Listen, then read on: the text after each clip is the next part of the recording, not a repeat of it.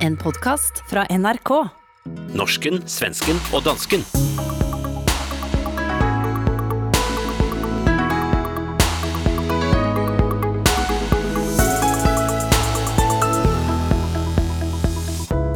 Metoo-revolutionen hamrer videre i Danmark. I Norge diskuteres også mænd. Kan det maskuline køn si tisse? Og svensker føler sig igen mobber på grænsen til Norge, og slik kan vi ikke ha det. Invitere sporenstreks til panskandinavisk familieterapi med Hassan Preisler i København, Åsa Linderborg i Stockholm og mig, Hilde Sandvik i Bergen.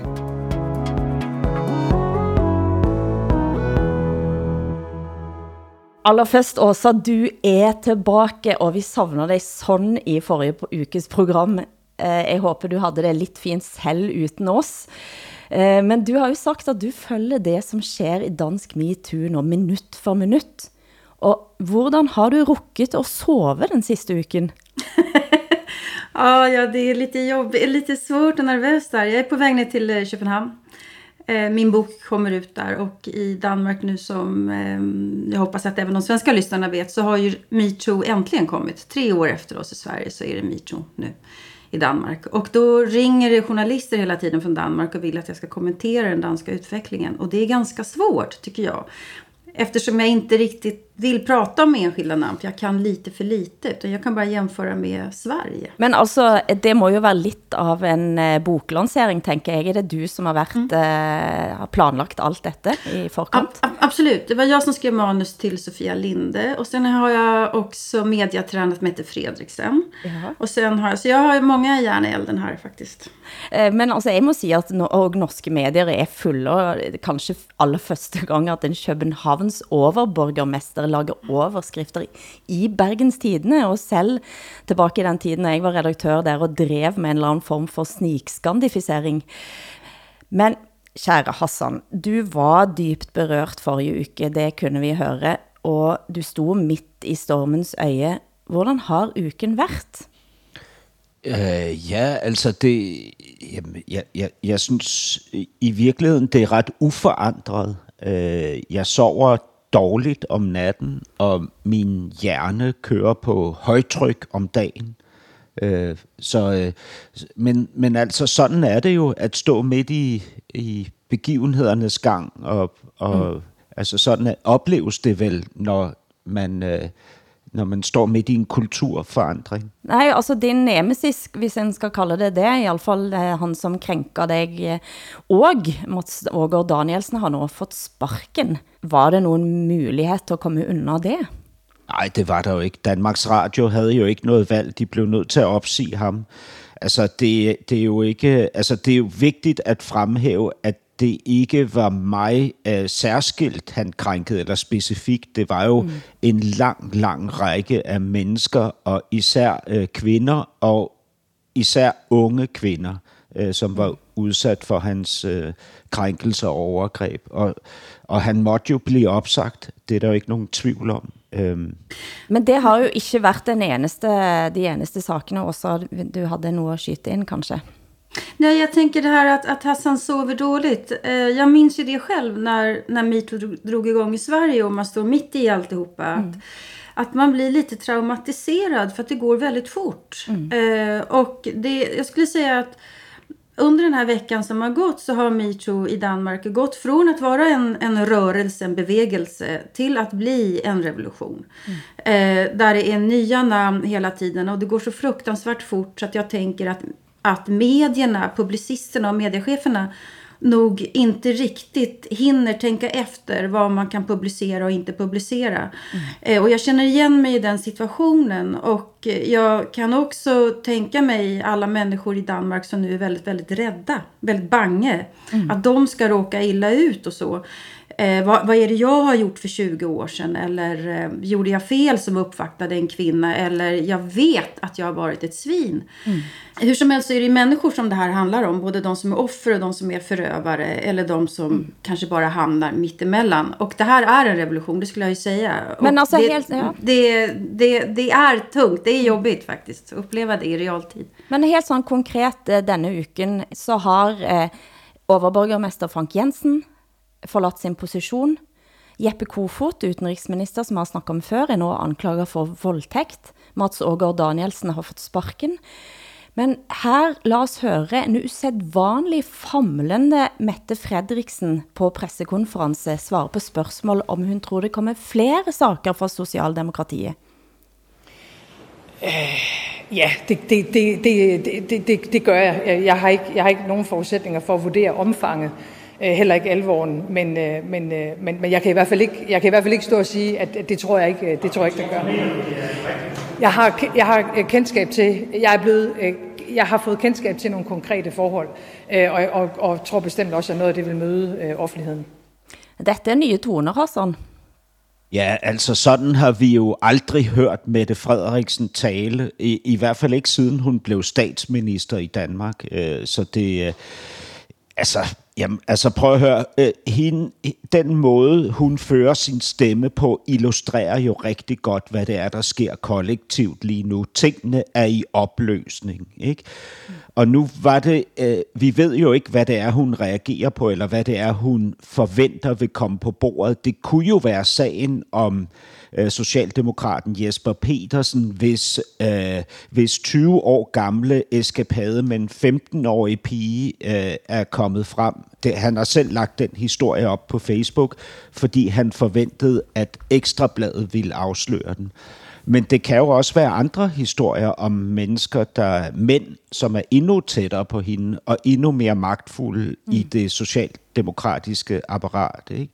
Og, og du, har, du har jo fuldstændig ret, Hilde. Vi ryster alle sammen i bukserne. Os, der har en vis alder, og os, som har haft magt igennem vores liv. Ikke? Der er jo ikke nogen tvivl om, at vi er redselslagende. Ikke?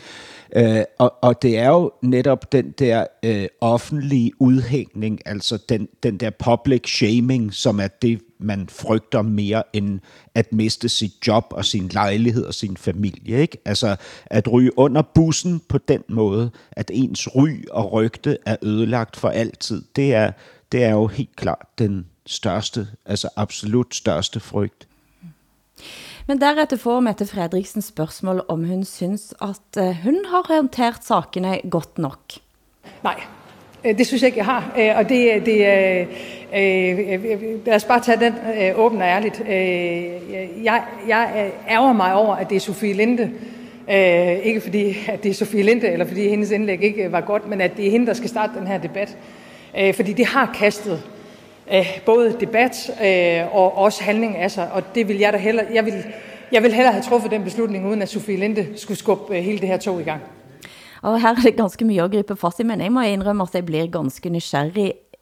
Hvorfor ærger Mette Fredriksen sig over, at det var Sofie Linde, som fik dæmningen til at briste? Skulle hun ikke egentlig ha takket Linde? Det är en helt ofattbar reaktion. Jag, jag förstår den inte alls. Hon gör ju fel hela tiden, Mette Fredriksen här. Hon har gjort fel från första början och hon fortsätter göra fel när hon... Ja, vad tänker du också? Vad, kan grunden vara? Hon har aldrig varit så här skakad förut någon gång. Och det är ju så eftersom det här är en revolution. Man vet inte vart den ska ta vägen. Alltså en revolution är alltid oförutsägbar. Och eh, hon, hon är ju verkligen rädd på riktigt. Och då borde hon visa lite större ödmjukhet. För att i en revolution så handlar det bara om att man ska rädda sitt eget skinn. Eh, och jag undrar om hon kan göra det i alla fall. Om det här hade varit Sverige så hade Jeppe Kofod för det första aldrig utsetts. För det andra hade han tvingats avgått. Och för det tredje så hade Mette Fredriksen tvingats avgå efter en sån här hantering. Ja. Altså da Fra Frank Jensen måtte gå, ja, hvad tænker du Hassan, hvad er grunden til at uh, det er denne retningen hun vil gå i og kritisere starten på projektet og, og revolutionen? Jeg, jeg tror, det handler om, at, øh, at det vel aldrig nogensinde er rart for en statsminister at lide et kontroltab. Og man må i den grad sige, at, øh, at øh, Mette Frederiksen må stå i en oplevelse af, af totalt at have mistet kontrollen. Og når man kender lidt til hende og hendes apparat, så tænker man, at hun ville da helt klart øh, hellere selv have påbegyndt det her og foretaget det i den rækkefølge, det ligesom, som hun synes, det skulle foretages i. Ikke? Selvfølgelig, det er klart. Men at sige, at den bliver irriteret. At hvad? Man kan føle det, men at sige, at man bliver irriteret. ja, Nej, hon, är, hon har tappat det helt och hållet faktiskt. Det har hon verkligen gjort. Hon har tappat kontrollen. Men da Frank Jensen måtte gå, så var hans forgænger som overborgermester i København, Ritt Bjerregård, gæst i Deadline. Hun skildrer en kultur og en holdning, der alle tog for gitt at mænd skulle opføre sig sådan. Hør her. Kan du egentlig godt forstå, hvis Frank Jensen selv er lidt overrasket over, at det lige nu bliver så stor en skandale? Vi har hørt også nogle meget tilgivende kommentarer til nogle af sagerne tidligere i tiden. Der er det slået igennem på en sådan måde, at den generation af unge, unge kvinder har markeret, at de agter ikke at finde sig i det. Vi gamle, vi har levet med, at sådan var det åbenbart, og sådan gjorde mænd, og det galt om at vide, hvem der var ude på noget, og hvor man skulle holde sig øh, for sig selv. Men øh, vi anså det ikke for muligt, at øh, det var noget, vi kunne lave op på. Mette Fredriksen flørtet med de gamle, nå har hun trøbbel med MeToo, skrev den norske kommentator Frank Rossavik i Aftenposten. Og han minder om noget, som jeg i alle fall eh, havde glemt, at alderssammensætningen ved valget i 2019 viste, at bare 5,7 procent av partiets vælgere da var mellem 18 og 24. Mm. Har Ritt Bjergård ret i, at dette er et generationsoprør? Ja, altså det, det det tyder det på. Øhm, der er også andre prominente debattører, som siger, at der ligesom er to positioner. Der er dem, der hæpper på de unge kvinder, øh, som Rit Bjergård nu, og så er der dem, altså en anden gruppe af ældre kvinder, som siger, at de savner at blive græmset på, at de unge har misforstået alting, og de er alt for sarte. Og, og de her, den her gruppe af ældre kvinder taler faktisk ret nedsættende om de unge kvinder, som de mener er alt, alt for skrøbelige. Øh, altså sådan nogle ord som præmenstruelle skrigeskinker er blevet brugt om og, øh, imellem generationerne. Ikke? Men prøv at høre, det her som Rit Bjergård siger, at hun ikke havde noget valg i sin ungdom, ikke? det altså den køber jeg ikke. Rik Bjergård har været en af Danmarks mest magtfulde politikere, og at lægge sig ned på den måde, ikke? det tyder bare på, at hun har stukket fingeren i vejret for at veje, hvad vej stemningen går, og så følger hun den nu. Ikke? Altså det, det synes jeg simpelthen er for fejt, øh, den, den slags øh, udtalelser. Øh, øhm. altså for selv i 2017, altså da MeToo var, øh, var en faktum andre steder i verden, den gangen så var byrådspolitiker Sonja Marie Jensen fremme og fortalte om ukultur på rådhuset, og hun blev avfeid. Eh, Ekstrabladet skrev at hun gjorde det for at få omtale, lidt sådan som jeg hører nu også. Like så klamt som et klask i røven, mente de, at kritikken av det, som skedde på rådhuset var. Ja, altså det er jo, øh, hvad hedder det? Ja, du har ret i dine observationer. Det er jo sådan, det er. Altså udviklingen har været præcis på den måde, som øh, du skildrer det, som Åsa også har skildret det flere gange. I relation til vores omverden, så har vi ikke været med på bølgen som blev kaldt MeToo for nogle år tilbage. Ikke?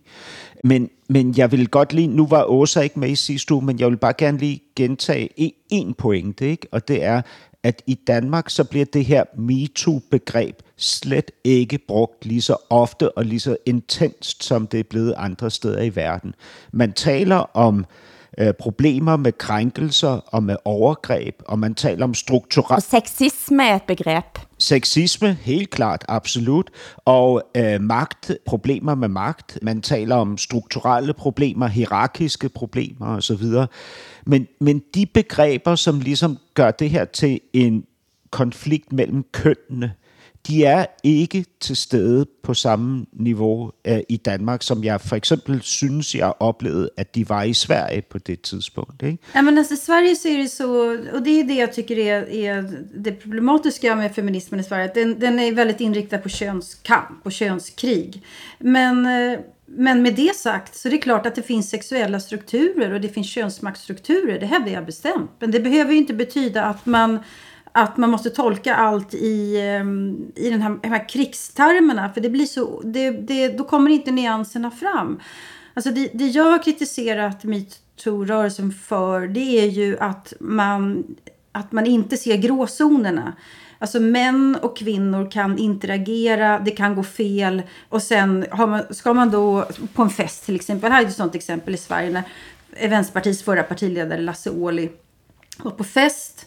Han uppvaktade en yngre kvinna. Hon ville inte. Han la sin arm på hennes rygg. Hon gick till polisen. Alltså det kan jag säga, en kvinna min ålder skulle, skulle inte göra det. Men sen de fallen som vi har hittills pratat om i Danmark, det handlar ju om maktutövning.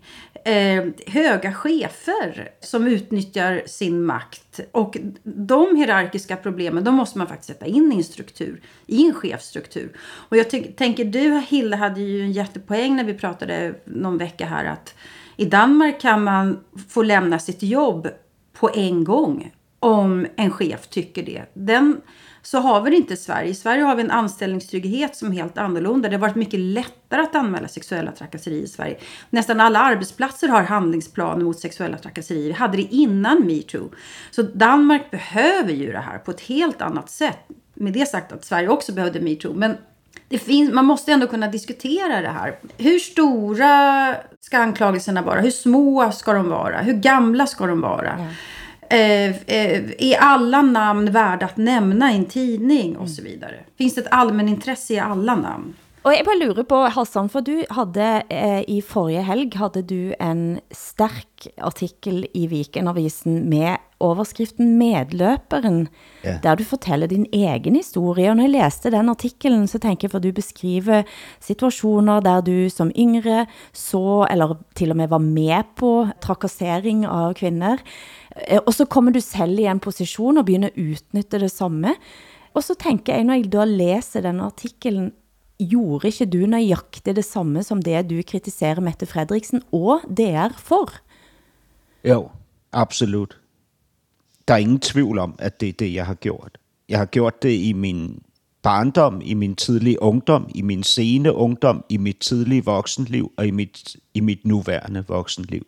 Jeg har accepteret, øh, at være vidne til overgreb og krænkelser. Jeg har ikke sat foden ned og sagt fra. Jeg har endda medvirket ved at øh, opmuntre og hæppe på dem, der gjorde ting, som er forkerte. Og det har taget mig frygtelig, frygtelig lang tid at mobilisere øh, øh, det, det mod, der skulle til for at, øh, at, at sige, øh, det vil jeg ikke være med til. Øh, og, øh, ja, og, jeg, og jeg føler mig meget, meget skyldig over det. Så, så når jeg har illustreret mit had over for institutionerne eller øh, magtpersonerne, så har det lige så meget været et had, der var rettet mod mig selv. Det er der ikke nogen tvivl om.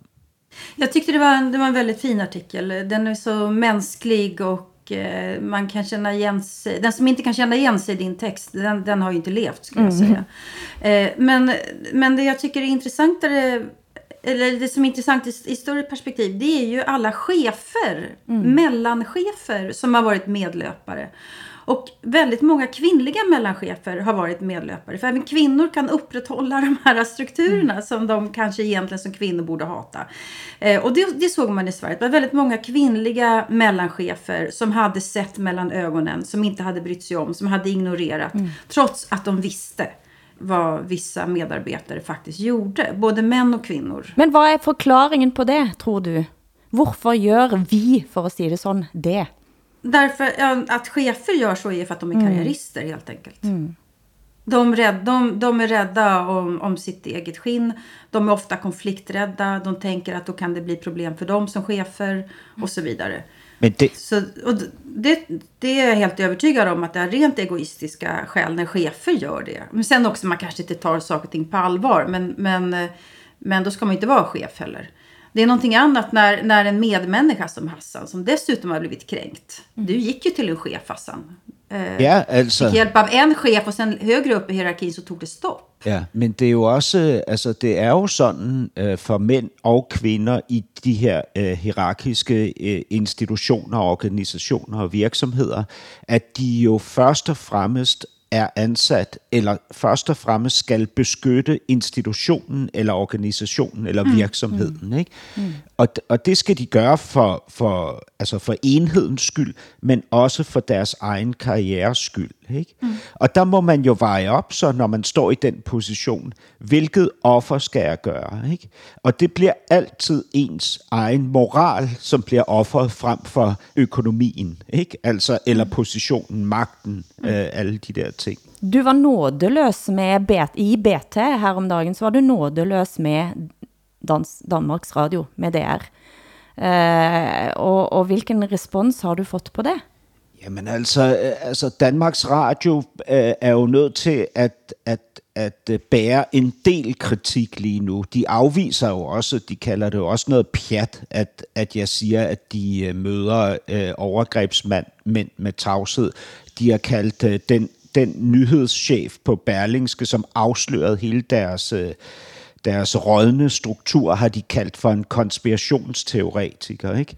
Altså, der, de, der, er jo, altså, der er jo nogle vaner, som har svært ved at dø øh, derude. Ikke? Øh, og jeg, jeg ved ikke, hvor det ender henne, men Danmarks Radio ønsker at lægge denne her lort på bordet hos specifikke mennesker, allerhelst nogle mennesker, som ikke længere er på DR. Ikke? Det vil sige, det der netværk af chefer, mænd og kvinder, de fortsætter med at beskytte sig selv, hinanden og strukturen, ikke virksomheden. Og det, det synes jeg måske i virkeligheden er, er det sted, hvor kampen burde ligge lige nu, fordi vi har der er gang i en blodrus i det danske samfund. Ikke? Folk kaster sig over enkeltindivider, som har gamle historier. Hvis man følger nogle af trådene på de sociale medier, så står der de mest forfærdelige ting. Altså blandt andet så er der helt almindelige borgere, som i en offentlig øh, tilgængelig tråd øh, anbefaler nogle af de her krænker, at de skal gå ud i deres garage og hænge sig selv. Ikke? Øh, der er en blodrus i gang. Ikke? Men, men det vi burde fokusere på, det er magthierarkierne, de strukturer, ikke? fordi det er dem, der er farlige. Det er jo, når der forventes loyalitet af os, som rækker ud over vores egen moral og etik, ikke? fordi vi skal gøre noget for det her lille fællesskabs skyld, for at bevare vores position og magt osv. Ikke? Det er der, vi burde arbejde. Det er der, hele slaget burde ligge. Ikke? Jeg må spørge dig om, vil, hvis du eh, skulle opleve igen av eh, chefer eller andre, eh, som du ser tæt på, opfører sig på denne måten, som du har sett nu. hvad vil du gøre da?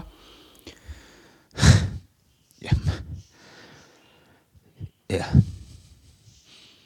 Altså, jamen jeg, jeg bliver jo berørt af det her, ikke? Fordi jeg, altså jeg, jeg er ked af, at jeg ikke har været øh, mere lojal over for, for de principper, som jeg synes er alt afgørende. Og jeg bliver også ked af det, fordi jeg, jeg ved ikke, om jeg vil være i stand til at mobilisere modet i fremtiden. Mm. Øh, jeg vil ønske, at jeg kunne sige, at fra nu af er det slut, og jeg, jeg kommer aldrig til at acceptere den slags igen. Men, men jeg ved også, hvordan jeg fungerer, når, når øh, alle de andre ting er i spil. Altså min, min popularitet, min position, min mm. karriere, min løn, alle de, det der. Ikke? Øh, Men får jag, får jag säga någonting Hassan? Så eftersom jag har också gått igenom det här fast från en liten annorlunda position. Men för mig, för mig förändrade metoo mitt liv. Alltså jag fick sådana livserfarenheter av, eh, av det där. Så att det, jag är helt övertygad om att det här är någonting som du kommer att bära med dig. Altså, Alltid. Alltså därmed inte sagt att man alltid kommer att handla rätt. Men jag lovar dig att du kommer att bli lite grann en annan människa efter det här. Jeg har blivit det. Altså, mi- min drøm er jo, øh, som I ved, så min far fra Pakistan, han har gået på øh, katolske kostskoler og opdraget af en meget... Øh, en, en, han havde en ret fantastisk mor, min farmor, som jeg ikke, ikke nåede at kende ret godt. Og så kom han til Cambridge øh, og uddannede sig. Hans øh, primære uddannelse i livet var til at blive en gentleman. Ikke? Mm. Den der gentleman-kultur, den drømmer der om, at jeg kunne genfinde den der øh, min, min fars ungdoms gentleman i mig selv. Ikke? Det kunne jeg da virkelig godt tænke mig. Du hører norsken, svensken og dansken. Programmet blir sendt i Danmarks Radio, Sveriges Radio og Norsk Rikskringkasting.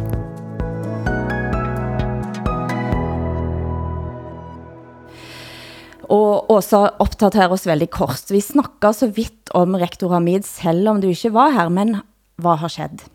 Ja, eh, rektor Hamid, alltså som var den här stora rektorn som fick ordning på en, på en problemskola i Göteborg. Och sen så visade det sig att han har gjort eh, utfall mot homosexuella och judar.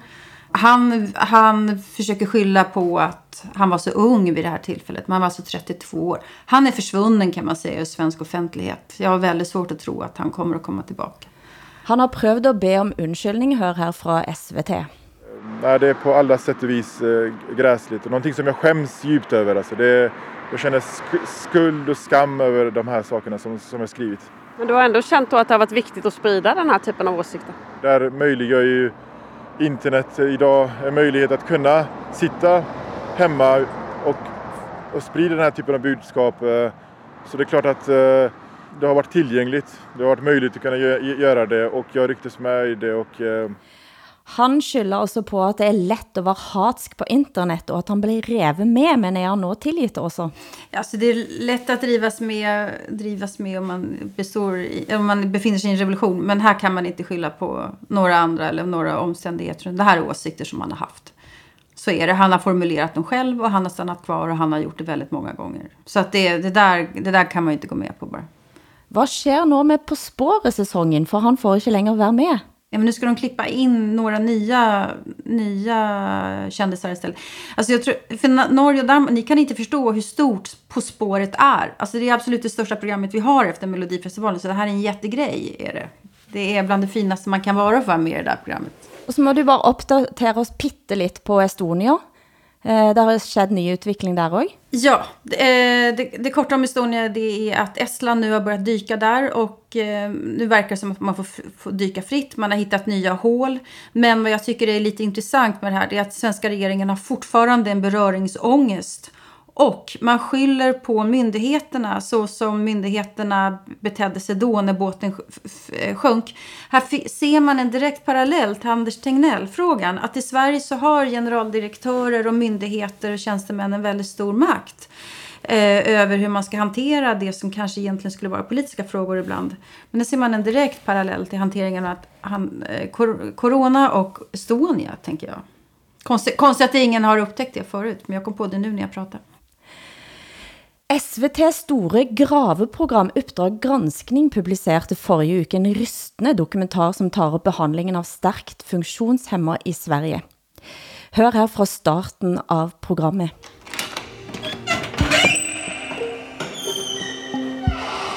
De hålls inlåsta. År efter år. Trots att de aldrig blivit dömda för något brott. Nu slår personalen larm om vad som sker i det dolda. Hovedpersonen i SVT-dokumentaren er den unge autisten Dick, som blir udsat for grov mishandling. Måten det afsløres på var etter at Dicks tante opdager store sår på nevøen. Hun monterte skjult kamera for at finde ut hvad som skedde. Hør her et kort, stærkt klipp. Vi hittar nu nya delar som tydligt visar att det är fler i personalen som deltar i trakasserierna mot Dick. I en upptagning hör man hur personal häller vatten på honom.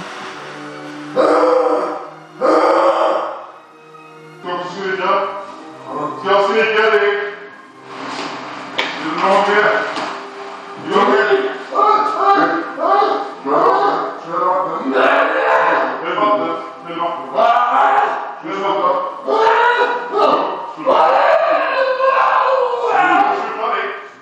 Ja, jag har sett den här dokumentären. men Det, var, det är bland det värsta jag har sett. faktiskt. Det är, det är så alldeles eh, fruktansvärt att det här händer idag. Man kan tänka att det var en institution på 1950-talet.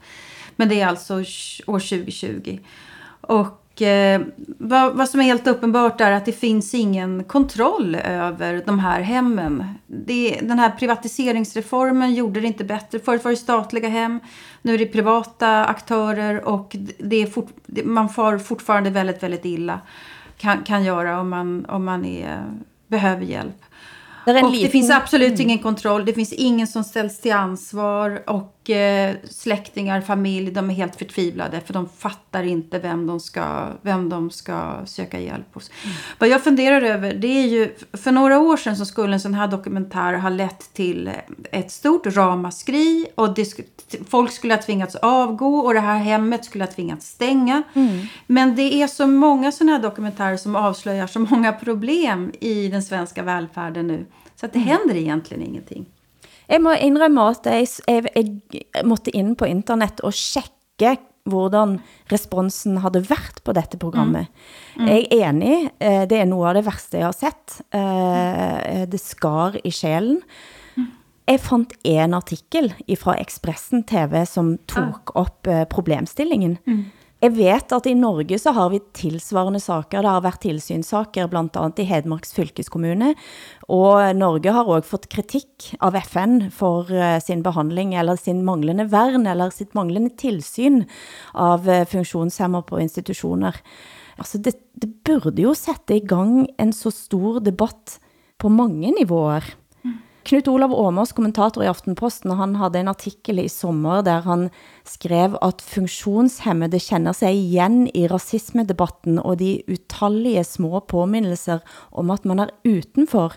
Men landets største minoritet blir ofte glemt. Så är det ju faktiskt. Jag är, är förvånad över att det har varit så tyst kring den här dokumentären. För att det det är ju inte bara ett fall, säger forskarna, som kan det här. Utan det, här, det finns många, många exempel. Och det mm. vet jag som journalist också, att det finns väldigt många fler exempel än det här. Eh, jag har vänner som har barn som är autistiska också. Och eh, på, på institution. Alltså det, det finns bra och det finns dåliga hem helt mm. enkelt. Olaug Nilsen, norske forfatter, som eh, har gitt ut to romaner nu om eh, eh, det å ha den første ganske personlig, om å ha en autistisk søn. På svensk så kom den ut under titlen Til Daniel. På norsk og dansk heter den Tung tids tale. Han er ute med en ny roman nå, som i alle fall kommer på dansk også, som heter Yt etter evne, få etter behov, som også beskriver alle de komplekse problemstillingene rundt Altså det at ha et barn, som kræver så mye, som trænger så mye, og så møter en altså en velfærdsmodell, et samfund, som heller ikke klarer at håndtere det. Nej, det är ju det är väldigt svårt från början. Ehm, det måste finnas kontrollinstanser som, som funderar mm. över vad det här är för några hem, om det är utbildad personal och vad det finns för mm. resurser och vad man gör. Eh, och det, jag blir ju så ledsen när jag ser den här dokumentären just för att det helt uppenbart är så att inte ens journalistik kan, kan hjälpa till mm. längre. Eh, Civilombudsmannen i Norge har varslat att det kommer till att komma nå tillsyn som är oanmält. Ja, i, i Sverige får man ju inte göra oanmälda inspektioner. I alla fall inte inom vissa områden. Inte assistansersättning till exempel får man inte göra det. det då blir insynen minimal. Da chokket hadde lagt sig for dokumentaren, så kom jeg faktisk til at tænke på en interessant samtale, som jeg havde for nogle år siden med en danske sociologiprofessoren Henning Beck, som akkurat da planlade sin avskedsforelæsning med Universitetet i København. For han havde været på feltarbejde i Sverige, og sammenlignet med Danmark, og opdaget hvor stor forskel det var på språkbruken rundt funktionshemning. I Danmark så kunne man i alle fall da i 2014 sige dværg og spastiker og mongol, og noget som var totalt bandlyst i Sverige. Han fortæller blandt andet, at han blev i rette satt under en forelæsning i Sverige for at bruge ordet funktionsnedsatte. Det blev sagt, at han burde heller bruge ordet funktionsvariationer. Er det en parallel til MeToo, at Danmark ligger etter her også? Ja, altså, altså, øh, det der retorik-cirkus, det, det, altså, det, I, I ved jo, hvordan jeg har det med det. Det interesserer mig ikke voldsomt. Altså, mm. og, og, altså, prøv at høre, jeg, jeg, har, jeg er et menneske med en alternativ etnisk baggrund. Ikke? Min far fra Pakistan. Jeg, jeg er da også blevet er, er kaldt det ene og det andet. Ikke? Og, og nogle ting har været behagelige, nogle har været ubehagelige, og sammenhængen er afgørende. Øh, og, og min egen mentale, følelsesmæssige tilstand har været hvad hedder det, fundamentalt, det er klart. Men, men jeg, jeg synes måske, altså, man kan jo godt ligesom gå meget op i de begreber, man bruger. I Danmark, der siger vi handicappet. Der går en handicappet. Det siger man. Børn vil også sige det, uden at blive rettesat. Ikke? Man vil ikke sige, at der går en, en, uh, et menneske med funktionsvariationer. Var det det, det hed? Altså, det, det, det, det, det vil simpelthen ikke gå. Og jeg synes, det er meget mere interessant, når nu vi taler om Henning Bæk, ikke? at han siger, øh, lad os sammenligne Danmark og Sverige. I, I Sverige har man ligesom besluttet sig for, for at bruge begreber, som lægger sig tæt op af så tæt op af det menneskeliggørende som overhovedet muligt. Det vil sige, det skal hele tiden være med mennesket uh, først og fremmest, og ikke med mm. handicappet først og fremmest. Ikke? Uh, det, og det kan man jo sige er, er charmerende og sådan noget. Men lad os prøve at sammenligne på nogle andre områder. Ikke? I Danmark og Sverige, der bruger man nogenlunde det samme meget høje uh, beløb uh, eller procentdel på mennesker med funktionelle hæmninger, eller hvad vi skal mm. kalde det. Altså 4% af BNP. Ikke? Men der er faktisk en anden forskel, som jeg synes er meget mere afgørende, end hvad man øh, bruger af ord til at beskrive de her mennesker. Og det er, at i Danmark, der bliver mennesker med funktionsnedsættelse eller funktionshæmninger har, oplever, at deres seksualitet bliver øh, fuldt ud anerkendt og diskuteret. Ligesom at man undersøger, hvordan man ligesom kan understøtte udfoldelsesmulighederne for det seksuelle liv. Ikke? I Sverige, der bliver funktionshæmmet seksualitet fornægtet, undertrykt og modarbejdet, ifølge mm. Henning Bæk. Ikke? Det, er da, det er da helt vildt spændende, altså, synes jeg. Olaug Nielsens, i den, i den sidste roman sin, jeg intervjuede henne på uh, i scenen i Bergen nylig, og stilte faktisk det spørgsmålet til henne, som har en autistisk søn som oplever at seksualiteten er gryende. Uh, og hvad gør man da? Er, hvem sitt ansvar er det? Er, det? er det familie? Er det eksterne? Og det er vel det som er i Danmark, da, at man faktisk kan ha ret på en seksuel utfoldelse. Med andre ord, eh, så, kan man, så er det noget velfærdsstaten tilbyder dig. Sexhjälp. Det, det här är ju extremt intressant. Vad gör man med ett barn som, som, ja, när hormonerna börjar snurra runt och så? Vems, vems ansvaret? Men vi hade en diskussion i Sverige för kanske 15 år sedan med anledning av att en eh, funktionsvarierad man då, eh, han krävde av eh, kvinnorna i hemtjänsten att de skulle runka av honom, onanera åt honom. Mm. Eh, och de här kvinnorna vägrade göra det. Och där, jag kom att tänka på den när jag läste eh, Henning Becks artikel som vi pratar om här nu. Det var en väldigt intressant artikel. Men om man säger att, att samhället har ett ansvar för att hjälpa alla människor att, ut, att utleva sin sexualitet. Ingen kan kräva det egentligen skulle jag säga. Men det är klart att de som har, som har praktiska funktionshinder borde få hjälp med det. Men, det, men inte till vilket inte hur som helst. Mm. Eh, vilka metoder ska, ska staten sanktionera i så fall? Ska kvinnor i hemtjänsten behöva göra det här? Ska eh, kvinnor i hemtjänsten göra samma sak på kvinnor som är funktionsvarierade och också behöver hjälp med sin utlösning? Ska manliga eh, hemtjänstpersonal göra samma sak och så? För det är det, är det Henning Beck skriver här. Onanihjälp. Vad betyder onanihjälp eh, för någonting i praktiken? Det, det här är ju super, super intressant. Eftersom det finns konkreta liksom, handlingar som ska utföras. Vem ska göra dem? Jag tror i Danmark, att man också kan ha sexarbetare som gör det. Ja, det mener jeg også, man kan. Jeg kan i hvert fald huske, der har været historier om det. Men I, har, i, i Danmark så är det inte förbjudet med prostitution. Det är det inte i Sverige heller, men det är förbjudet att köpa. Hvis staten så köper, så blir det ett problem, kan man sige. Det kan man säga. Norsken, svensken og dansken med Hilde Sandvik, Åsa Linderborg og Hassan Preisler. Vi havde knapt laget færdig vårt specialprogram om karikaturstriden før en ny, brutal og chokerende hændelse indtraf i Paris. En lærer, som havde brugt Mohammed-karikaturer i undervisningen, blev halshugget av en islamistisk terrorist på 18 år midt på gaten. Og denne saken har vakt opsigt verden rundt, og i våre tre land. Men hvordan snakkes denne saken om i Sverige og Danmark og i Norge? Eh, vad säger man i Sverige også? Ingenting. Ingenting? Nej, vi pratar inte om... om eh, vi, alltså vi pratar om händelsen, men det är ingen diskussion om yttrandefriheten är hotad eller någonting sånt där. Eh, Vår utbildningsminister Anna, Anna Ekström, eh, hon säger att lärare naturligtvis ska fortsätta undervisa på samma sätt. Men eh, det är inte alls samma diskussion som ni har i norra Danmark. Hvordan här ser är ut? ju, Ja. Mm. Yttrandefriheten är ju en lite knepig fråga här. hos oss. Hmm. Hvordan ser det ut i Danmark, Hassan? Nå, men her bliver det diskuteret. Jeg- synes, øh, altså det, der, der sker så meget andet lige nu, som kommer til at skygge for emner, øh, som også har relevans, som jeg synes, det her emne har. Men der er der helt klart en opmærksomhed på det her. Altså, der er jo, der er jo danske undervisere, som i sympati med den franske lærer, der blev slået ihjel efter at have vist øh, øh, tegningerne, har besluttet sig for at vise dem i deres egne klasser lige nu og her. Ikke?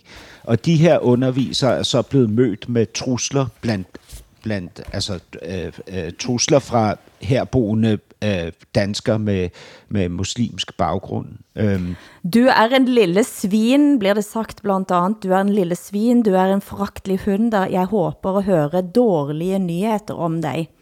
ja, nemlig. Og politiet har til og med oprettet sak, eh, men avisforsidene blir ikke ryddet. Mm.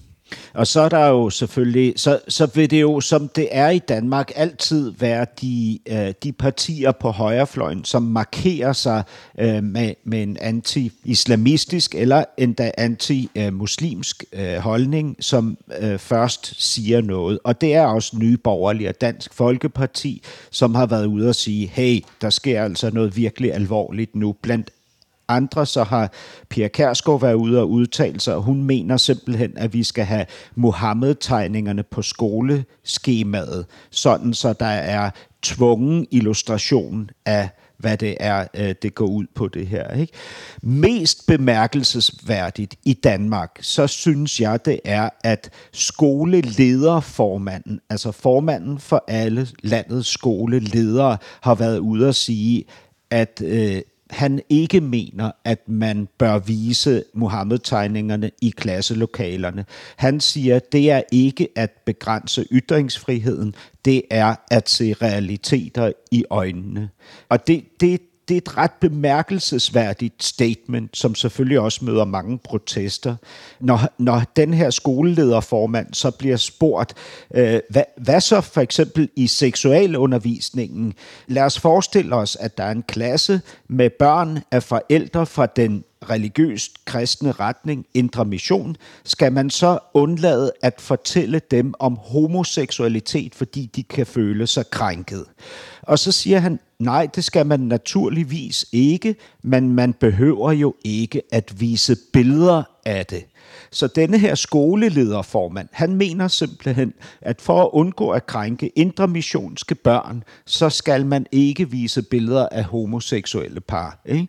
Og det, altså, det er i min verden ret vildt, det her. Ikke? Jag kan följa med honom i hans tankegång när han säger att man behöver inte visa Mohammed-teckningarna för att kunna undervisa om yttrandefrihet. Man undervisade om yttrandefrihet innan eh, Mohammed-teckningarna ens var tecknade. Så det är klart att man kan göra det. Men om, om han drar ut det ända så att man inte ens ska, ska kunna undervisa om homosexualitet med bilder därför att det kan kränka homofober eller eh, religiösa människor. Då drar han det för långt. Det tycker jag också. Det, Jamen, for mig er det det samme. Ja, for hva- hvad er forskellen her også? Det lurer jeg på. Ja, nej, det kanske inte är någon skillnad. Men jo, men, ja, men jag vet inte. Men om man, man tänker så här. De, de, är, ehm, de är som ett vapen i sig själv redan ju. Eh, De går ut på att man ska kränka en grupp. Det är det. Alltså man kan ju se Mohammed-teckningarna inte bara som en yttrandefrihetsmanifestation utan faktiskt några som attackerar muslimer. Jo. Men att visa bilder på homosexuella som älskar, det tycker jag inte är samma sak. Men nogen vil... Kan man, man, kan, man kan ju liksom attack, man kan attackera någons eh, homofobi med det. Eh, men så får det vara i så fall. Men, men det, det är ju ingen... Det är ändå skillnad på att känna att man attackerar för att man är muslim eller för att man är... Eller inte fan vet jag, jag har nog fel här. Nej, svårt. Ja, altså, jeg, jeg, jeg synes, det er svært, fordi øh, hvem, hvem skal så afgøre, om det er en provokation, eller om det er et, et, et, et, øh, et statement, altså et kunstnerisk Ja. udtryk? Øh, Ja, ja, altså, Nej, nej ni, ni har rätt. Jag, har- ni har rätt, jag har fel. Ja. Nej, men, men altså, ja, det er... altså, ja. Ma- ma- øh, altså den, den store forskel for mig, det er voldsparatheden, ikke? At der er en voldsparathed mm. i forhold til Mohammed-tegningerne. Og denne her skoleleder, han bliver der også, eller formand for alle skolelederne, han bliver også spurgt, om det er truslen om vold, som ligger i tegningerne, har den indflydelse på din holdning til, om man skal bruge dem i undervisningen i Danmark? Og så siger han, ja, den får mig til at reflektere over, om det er nødvendigt at bruge dem. Volden, altså. Ikke? Men det här är ändå, Mohammed-teckningarna, de är liksom aggressiva i sin karaktär.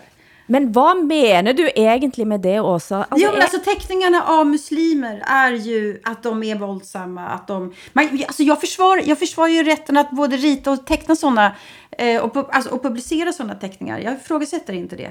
Men däremot så fundera på hur man ska göra en undervisningssituation. Alltså denne frans... Vad är skolans ansvar? Det vore en sak om man inte undervisar om yttrandefrihet överhuvudtaget. Då skulle vi ha ett problem. Men den franske læreren, eh, han underviser om ytringsfrihet. Eh, her er den viktigste diskussionen om ytringsfrihet i vår tid. Eh, skal man da ikke vise hvad utgangspunktet for den diskussionen var? Hvordan skal, hvordan skal eleverne sitte i klasserummet og forstå hvad det var som førte til disse store optøjene, uten at se hvad det som Ja, startede fast men, men hallå, alltså en pedagog kan, kan, man kan ju prata om Mohammed-teckningen utan att visa teckningarna. Men jag förstår att det blir en hår, hårfin skillnad här. Jag förstår det. Jeg, jeg synes også i Norge at man ser en veldig stor utglidning. Eh, statsminister Erna Solberg skrev på Twitter, alvorlige og grusomme nyheter om terrorhandlingene i Frankrike. Vi må stå sammen mot angreb på tankefrihet og oplysning, skrev hun altså. Tankefrihet. Eh, og det fik hun kritik for siden, og mente at den kritikken var bare tøv. Men, men det er nå vitterlig en veldig stor forskel på tankefrihet og ytringsfrihet. Og det får mig til at lure på om selve begrebet til og med ytringsfrihet er noget man nøler med at bruge.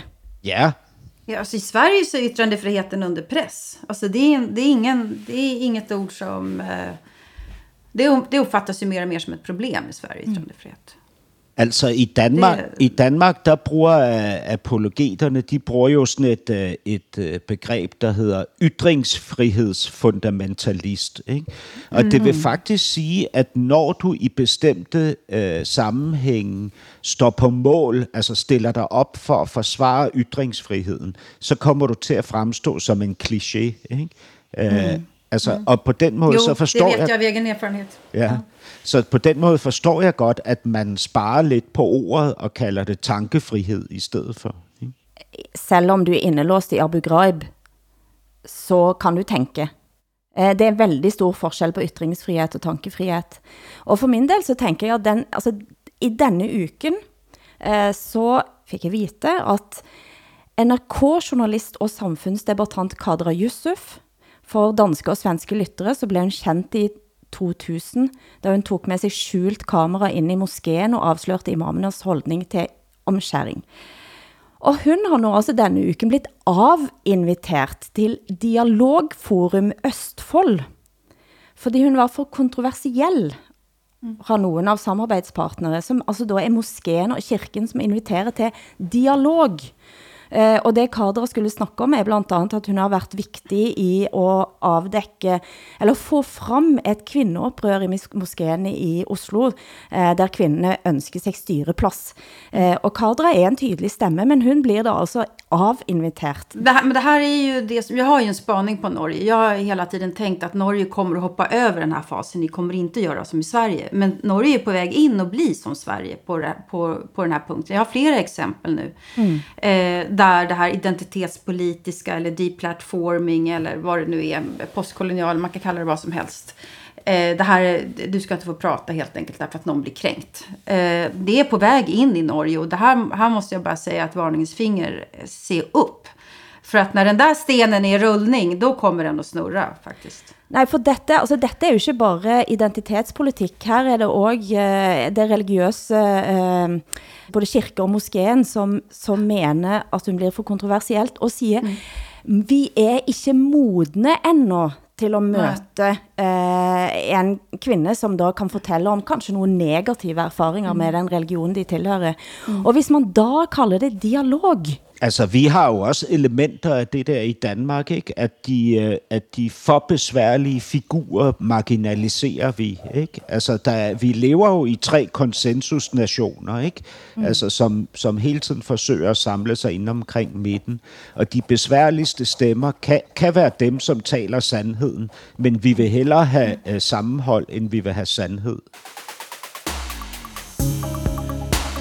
Du hører norsken, svensken og dansken i SR, DR og NRK.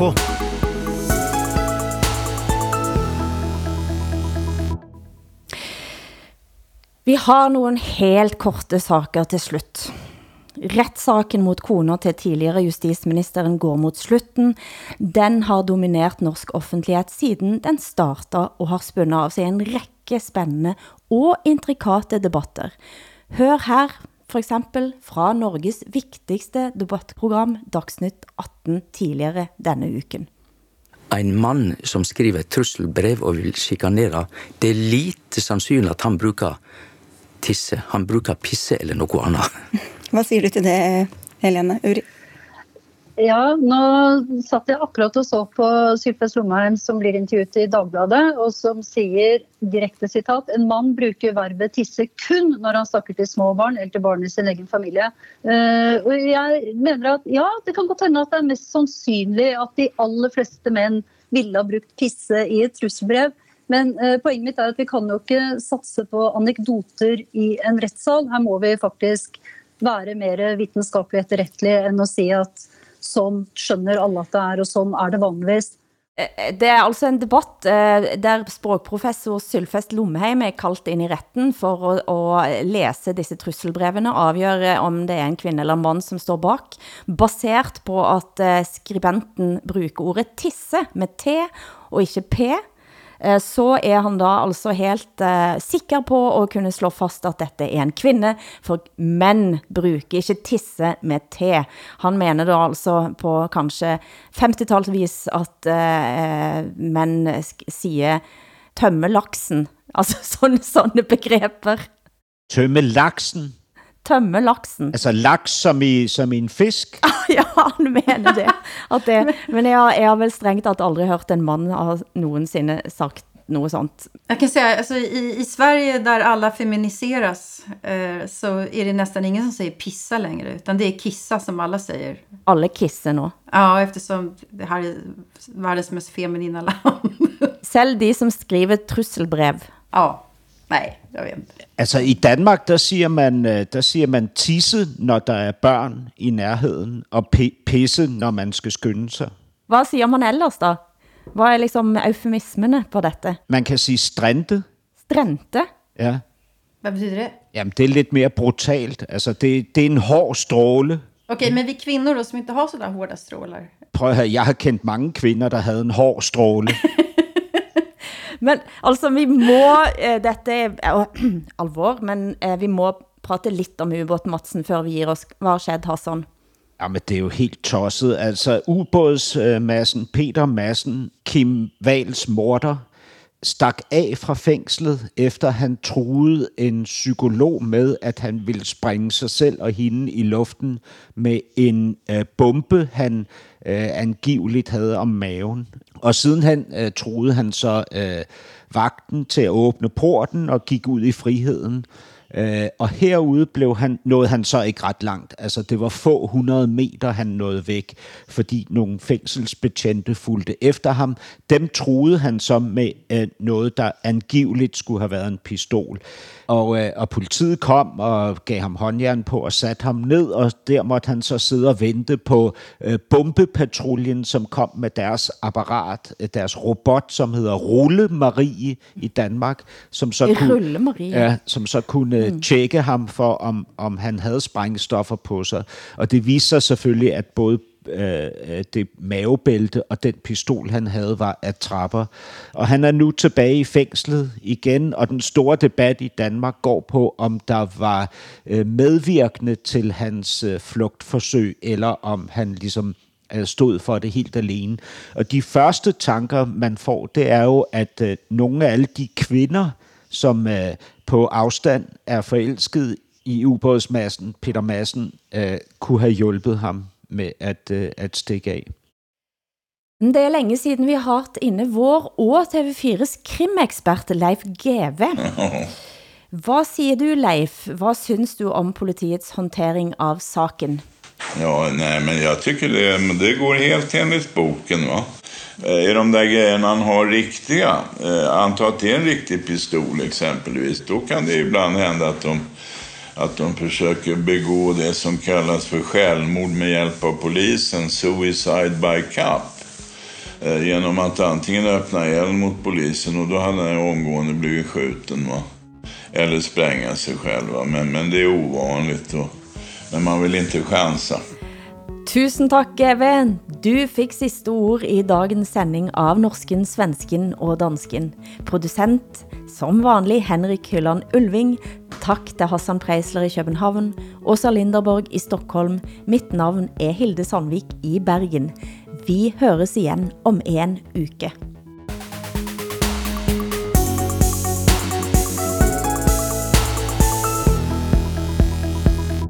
Du har hørt en podcast fra NRK.